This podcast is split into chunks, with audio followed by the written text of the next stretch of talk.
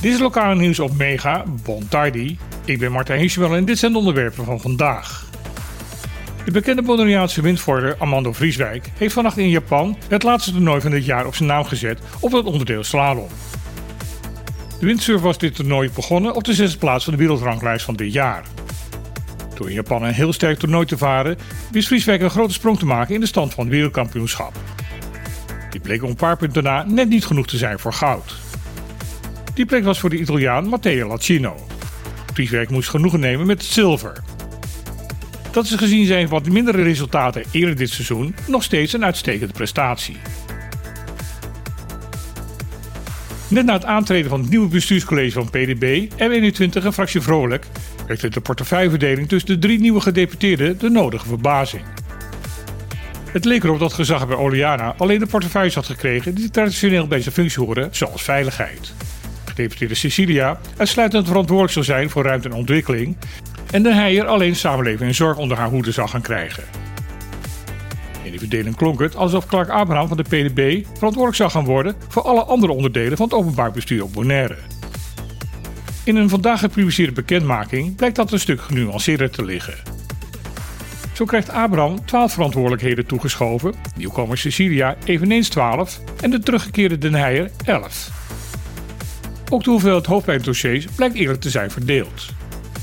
Zo zal Abraham orde moeten gaan creëren bij de directie toezicht en handhaving, Cecilia rust moeten gaan brengen bij ruimte en ontwikkeling, is zal Den Heijen de maatschappelijke hete hangijzers bij inclusie en participatie en sociale huisvesting moet gaan aanpakken. De bekende politiek commentator en geschiedkundige Arthur Sali heeft zich laten horen in verband met de verkiezingen volgende week woensdag voor de Tweede Kamer in Den Haag. Sali, die nooit bang is om een duidelijke mening neer te zetten, doet dat ook dit keer in een artikel op bonaire.nu. Volgens hem moet iedere kiesgerechtigde op Bonaire gebruik maken van het stemrecht dat elke inwoner van de staat Nederland heeft gekregen. Hij verbaast zich ook dat geen van de politieke partijen op het eiland een stemadvies heeft uitgebracht. Daar moeten de inwoners van Bonaire volgens hem via hun stem laten weten met welke partij in Nederland onderhandeld moet gaan worden door de politiek hier. Zijn eigen keuze is duidelijk.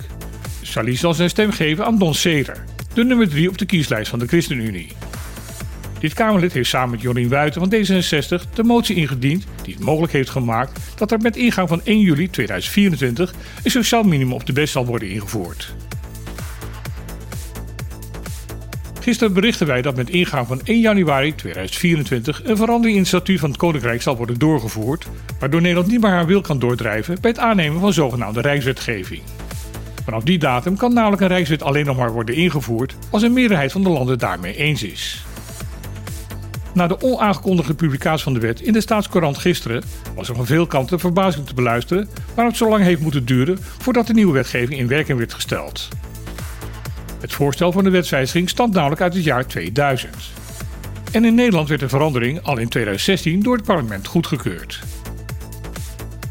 In een artikel op de website Dossier Koninkrijksrelaties blijkt dat de vertraging is veroorzaakt door het parlement van Aruba omdat het hier gaat om een wijziging van het Koninkrijksstatuut, moesten de parlementen van alle vier landen hiermee instemmen.